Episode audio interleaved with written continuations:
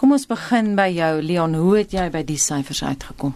Wel is baie eenvoudig uh, as 'n mens kyk na gepubliseerde uh, syfers oor die jare is dit in die gebied van 30 miljard rand oor die afgelope dekade.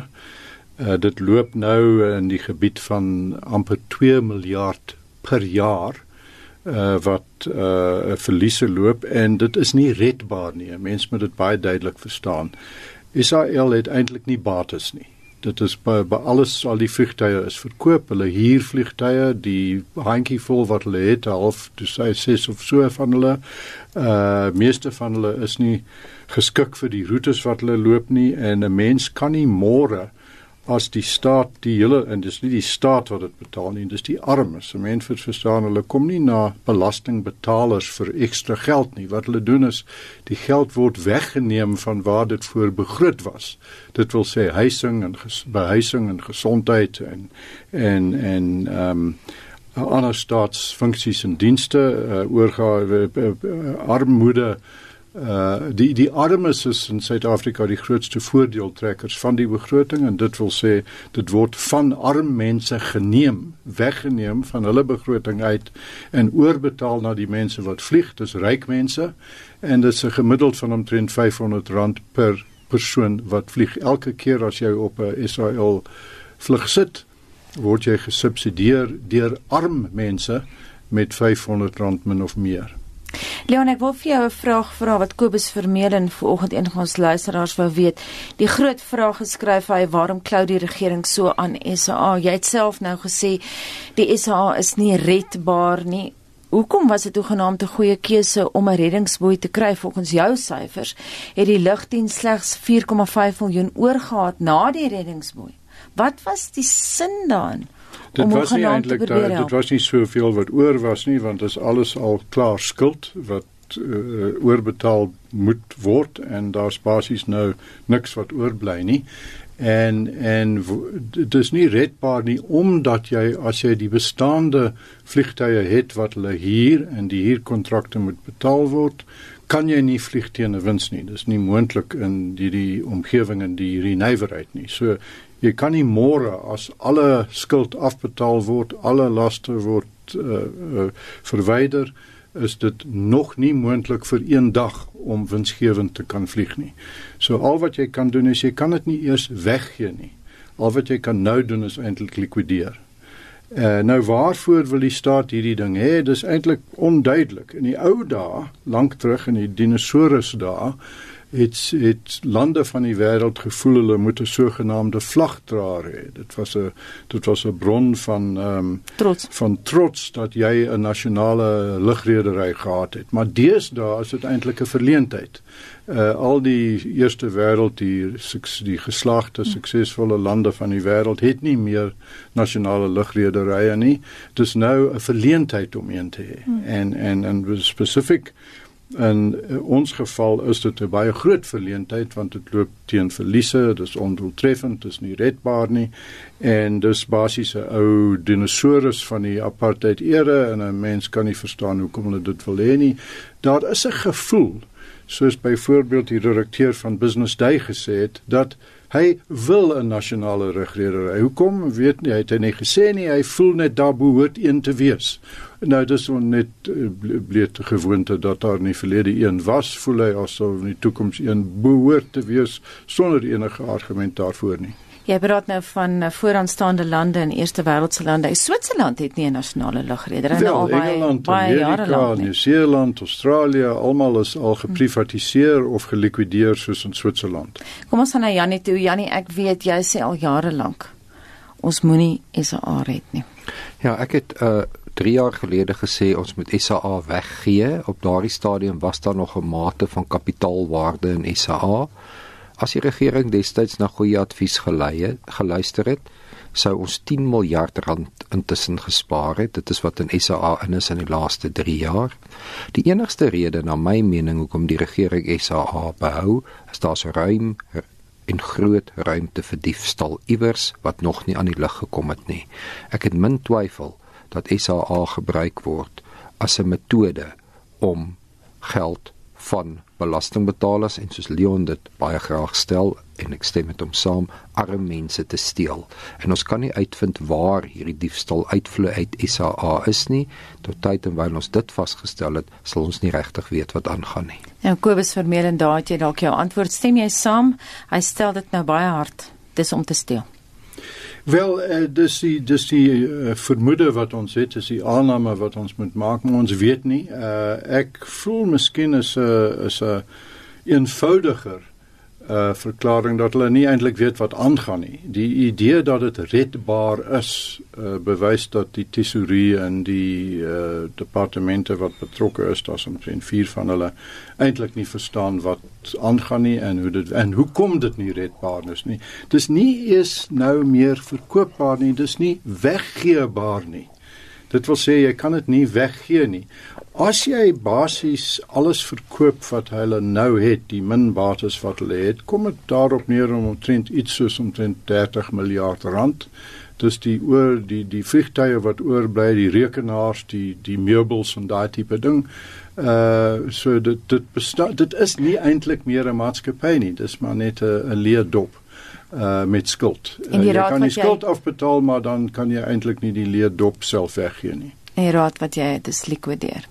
Dis ongelukkig of faseer uit of maak hom geleidelik toe, maar as jy as vanaand teen middernag hulle nie weer 'n enkele vlug vlieg nie, sal daar binne in ure elke uh, diens wat hulle verskaf sal oorgeneem word deur internasionale lugrederye wat gereed staan om oor te neem en wil oorneem en kan oorneem en ons daai geld bespaar wat ons nie as belastingbetalers in ons sak sal hê nie maar die armes van Suid-Afrika sal bys net om duidelik te maak ons praat hier van die in die gebied van 10000 huise per jaar vir armes. So as jy 'n plakkerkap sien ergens sien, kan jy na dit kyk en jy sê daai plakkerskamp bestaan omdat die geld wat kon gebruik gewees het vir behuising daar uh, bestee was op Israel.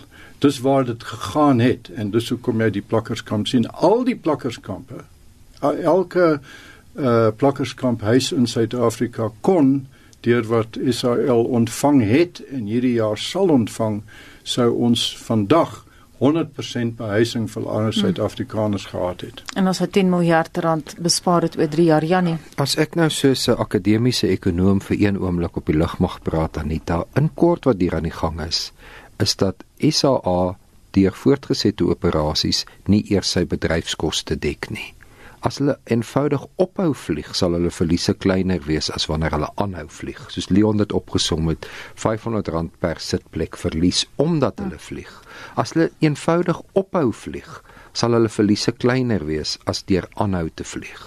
So Miskien moet ons dan net begin deur SAA nie te laat vlieg nie soos Leon sê die roete sal deur iemand anders oorgeneem word maar dit sal koste bespaar deur hulle nie te laat vlieg nie. Kom ons kyk na ander staatsbeheerde instellings. Eskom het intussen bevestig dat hy 'n ernstige kontantvloei probleem het.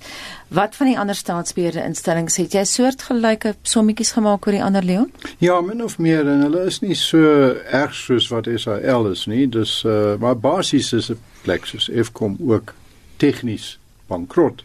Maar gepraat daarvan kom ons laat ek gou iets oor Israel vertel. Die nuwe raad wat hulle het is moontlik elke raadslid is moontlik uh, skuldig aan 'n uh, oortreding. Want jy maar dis onwettig om 'n insolvente maatskappy te aanhou te opereer as jy weet dat dit bankrot is. So dit dis moontlik vir elke nuwe raadslid en die nuwe uitvoerende direkteur 'n uh, 'n uh, 'n uh, oortreding van die maatskappywet. Nou as dit by die ander kom is dit nie so erg nie.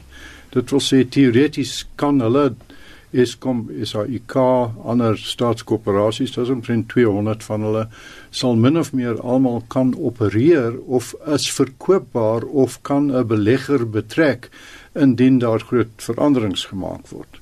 Uh so met Eskom is dit Eskom is dit nou ook 'n probleem. Hulle wil 'n hoër tarief hê. Uh die interessante ding daar is dat in 19 uh 89 98 ja maar 1998 het die het was daar 'n wetskrif wat gesê het dat teen vandag behoort daar al 30% van die elektrisiteitsmark in privaat hande te gewees het volgens hierdie regering se eie beleid.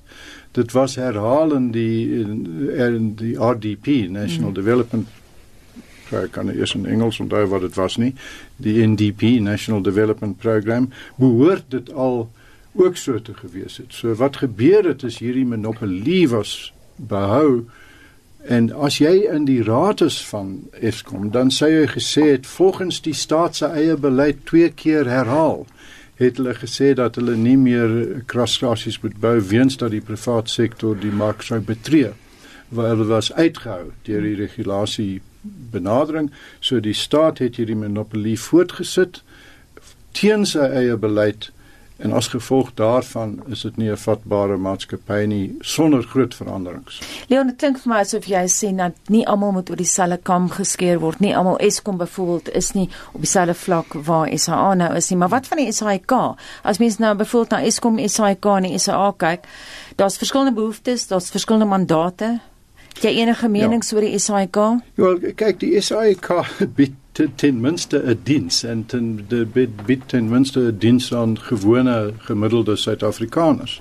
Wat ek sou doen is ook soos meeste lande van die wêreld hierdie idee van staatsbesitte manipuleer wat uitsaai en vlieg en uh, energie verskaf en so aan is iets van die verlede. Dis dis uh, dis 'n uh, dis 'n geskiedenis wat ons oordra in die toekoms sonder enige goeie rede. Wat ek sou doen met SAIK is dit gee aan julle oorhandig aan die bestaande werk eh, die die die aandele gee aan die bestaande werknemers uh, of 'n 50 sê maar 50% daarvan, 'n ander 50% kan verkoop word aan beleggers.